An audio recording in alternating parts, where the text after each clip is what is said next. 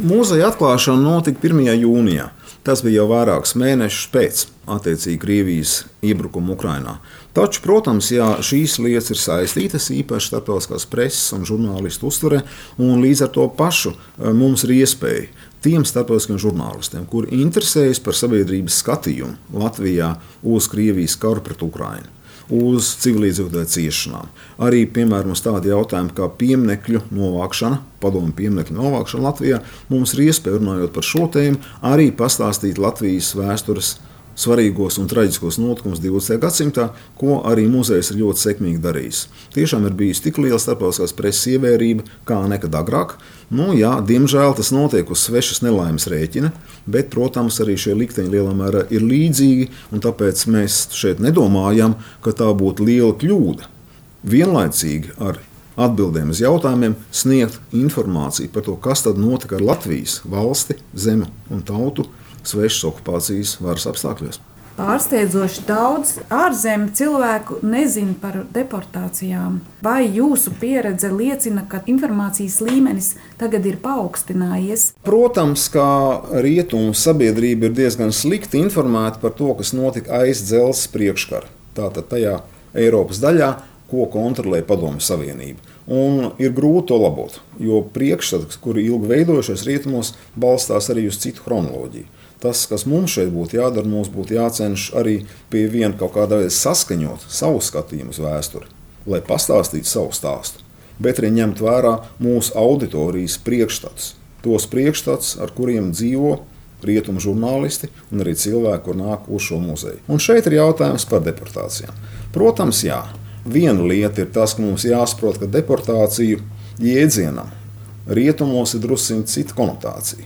Tā ir konotācija pamatā tāda, lūk, tie ir ebreji, civiliedzīvotāji, kurus no okupētiem Eiropas valstīm sūta uz nāves jeb koncentrācijas nometnēm.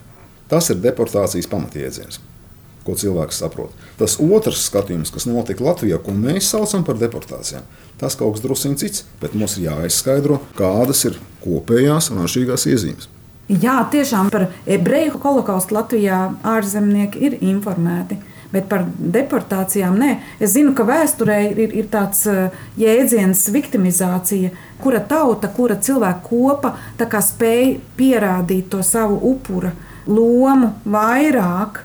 Tā gan šķiet, ka mēs esam par deportācijām paši savā lokā. Esam runājuši no gada uz gadu, ir kino darbi radušies, Melānijas kronika un, un citi. Bet um, kāpēc tas informācijas līmenis par deportācijām ārzemēs ir, ir bijis tik zems? Nu, pirmā lieta ir tāda, ka šī te to, ko lielais ievērojamais vēstnieks Normans Deivijs nosauc par sabiedroto vēstures schēmu. Uzsver vairākus postulātus, un tie nav labvēlīgi Austrumēropas un Centrālajai Eiropas tautām. Tā ir pirmkārt tā ir ideja, ka nacistu Vācija ir absolūts ļaunums.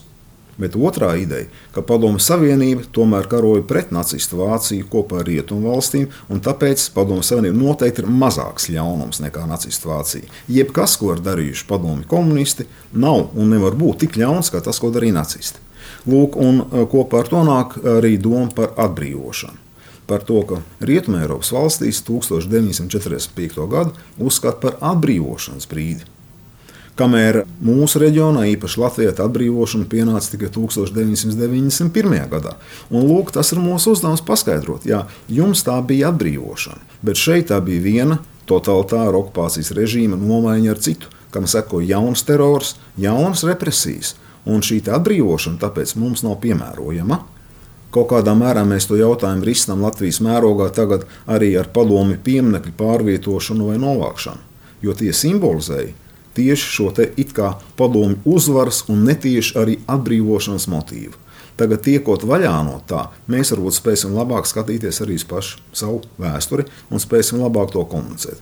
Katrā ziņā tāda iespēja mums bija pateikt, ka nē, 45. gads šajā reģionā nav nekāda atbrīvošana.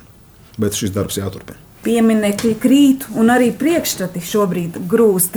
Ja mēs atgriežamies pie deportāciju jautājuma, tad mums tomēr darētu arī pašiem plašāk skatīties uz savu vēsturi. Pirmais jautājums ir, kas tad ir mūsu mērvienība? Vai tas ir Latvijas iedzīvotājs, kā daži cilvēki saka, jeb tas ir Latvijas pilsonis, tātad Latvijas tauta, jeb tie ir latvieši. Arī šī lieta ir jāatrisina. Okupācijas muzejā mēs pēdējā laikā ļoti cenšamies tomēr raudzīties uz okupācijas perioda zaudējumiem un ciešanām no Latvijas tautas un jebkura Latvijas pilsoņa viedokļa, neatkarīgi no viņa tautības.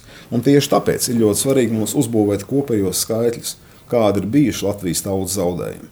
Varbūt jūs būsiet pārsteigti dzirdēt, ka izsūtīšana, jeb deportācija, nebūtu nav tā lielākā zaudējuma pozīcija. Un tas arī būtu ļoti svarīgi 25. martā, pieminot 1949. gada izsūtīšanas upurus saprast, ka likteņi bija dažādi un ciešanas bija dažādas. Tie cilvēki, kuriem 49. gadā tika izsūtīti, viņi nonāca nometinājumā kā ģimenes. Ģimenes netika šķirtas, cilvēki vienkārši tika pārvietoti uz attāliem Padomu Savienības rajoniem. Viņi, protams, zaudēja savu iepriekšējo dzīvi, viņi zaudēja savas mājas, viņiem bija jāstrādā vienkāršs, grūts fizisks darbs. Bet vairumā gadījumā viņi izdzīvoja. Un šeit mēs piemirstam to, ka blakus ir arī skaitļi par cilvēkiem, kuri tika arestēti individuāli, kuri tika sodīti ar nāvi, kuri nonāca soda nometnēs daudz grūtākos apstākļos un mira daudz lielākā skaitā no bada un slimībām. Tā ka lūk, aiz šī jēdziena deportācijas mums nevajadzētu zaudēt pilno padomju un nacistu režīma represijas spektru pret Latvijas pilsoņiem. Es pieminēšu šeit vienu skaitli, varbūt no tikko iznākušās grāmatas Latvijas vēsture 20. gadsimta 4. sējuma, kur vairāki zinoši autori atsaucās uz avotiem un konstatē, ka piemēram tātad laika posmā no 45. līdz 53. gadam šajā pēckara posmā, padomju otrās okupācijas periodā, pēc pašas komunistu partijas datiem, vismaz 120 tūkstoši Latvijas pilsoņi, iedzīvotāji, tika represēti bet pievērsīsim uzmanību proporcijai. No tiem 72,000, pāri par 72,000 tika arestēti un ieslodzīti, jeb sodīti ar nāvi. Un 43,000 tika izsūtīti nometinājumā. Tas būtu jāturprātā viena iemesla pēc, tāpēc, ka tajā brīdī, kad mēs izceļam to cilvēku likteni, kuri izdzīvoja izsūtījumā, nevis sodu nometnē, Tajā brīdī mēs atkārtojam to izdzīvojošo cilvēku stāstu. Un tas nav īsti taisnīgi pret tiem cilvēkiem, kur gāja bojā, kur cieta pat smagāk un nevarēja pastāstīt savu stāstu. Vai jūsu ģimeni arī ir skārušas deportācijas, jūsu radiniekus? Manu ģimeni tiešā veidā deportācijas skārušas nav. Bet tas ir viens cits jautājums, kā vēl mēs varētu skatīties uz šo jautājumu. Te ir divi faktori. Pirmais jautājums ir par to, kā bija deportācija upuri, bet bija arī glābēji. Bija pietiekoši liels skaits cilvēku, vēl neapzināts, kas spēja no deportācijām izvairīties, tāpēc, ka viņus glāba draugi, radinieki, kaimiņi.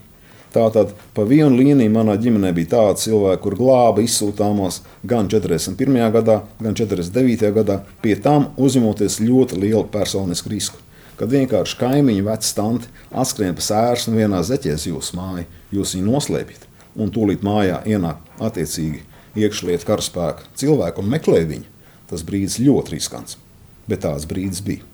Bet otra līnija ir jautājums par to, ka pretī nacionālajiem partizāņiem stāvēja arī vietējie kolaboracionisti, tātad iznīcinātāji bataljoni, kuros kopā bija kā 40,000 cilvēku. Vienlaicīgi šajos iznīcinātāju bataljonos, kurus starp citu viss pilnā sastāvā piedalījās 49. gada izsūtīšanas īstenošanā. Dienēja aptuveni 15,000 Latvijas pilsoņu. Tā tad nav jautājums tikai par upuriem, nav jautājums tikai par glābējiem, bet ir arī jautājums par kolaboracionistiem, kur piedalījās un sekmēja konkrēti veids savu līdzpilsoņu, kaimiņu, arī pat radnieku un draugu izsūtīšanu.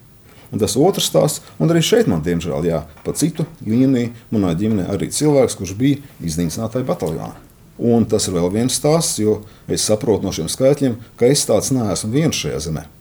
Un ļoti bieži jau manā paudzē vienā cilvēkā krustojas dažādi likteņi. Gan izsūtīto likteņi, gan arī ieslodzīto vai nogalināto likteņi, gan glābēju likteņi, gan arī kolaboracionistu likteņi.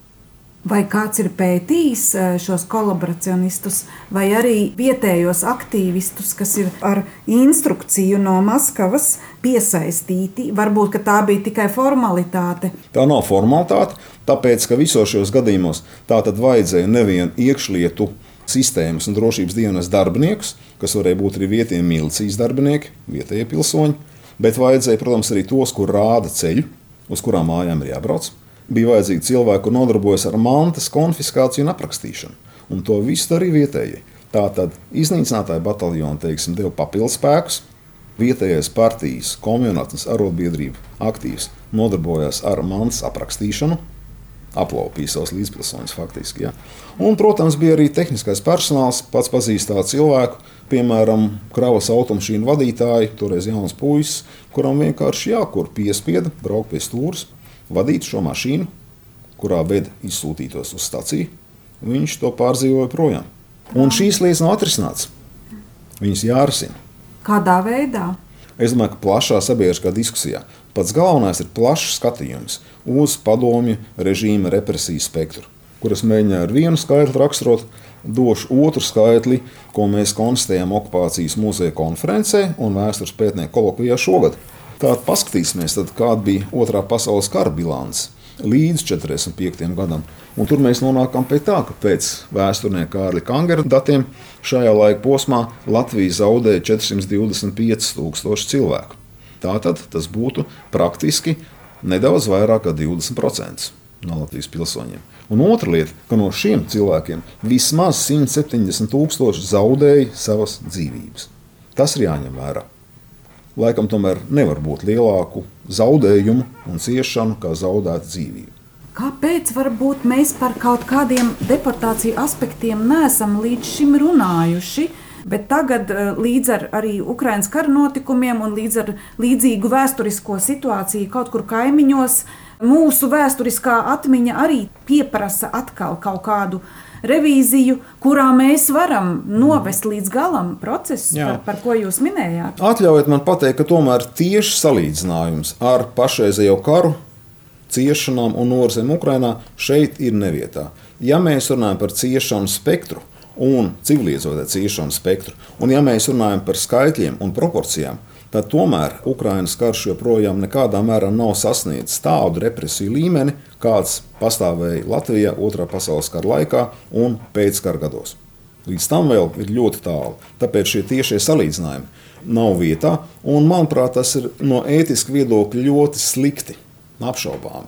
Ja cilvēkiem mūsdienās Latvijas tautas ciešanas un 25. marta deportācija jautājums ir svarīgs tikai Ukrainas situācijas dēļ. Tādā gadījumā kaut kas nav kārtībā ar mūsu vēsturisko atmiņu. Protams, ka svarīgs jautājums tuvākā nākotnē būs arī plašāk skatīties uz pretošanās un kolaboracionismu kopsakaru. Kā šīs divas tendences krustojas?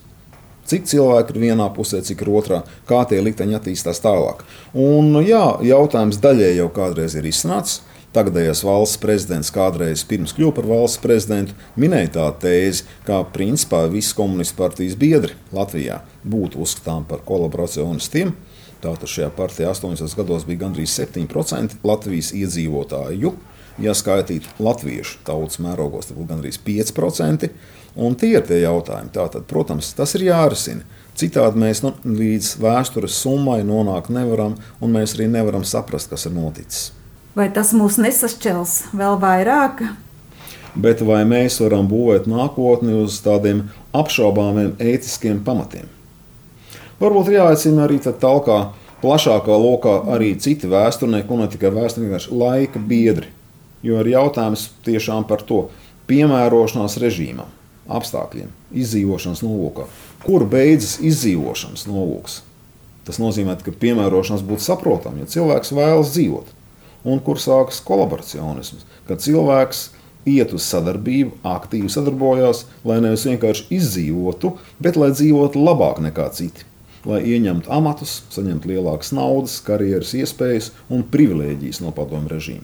Un arī šo jautājumu mēs neesam risinājuši. Viņš ir pētāms un viņš ir diskutējams.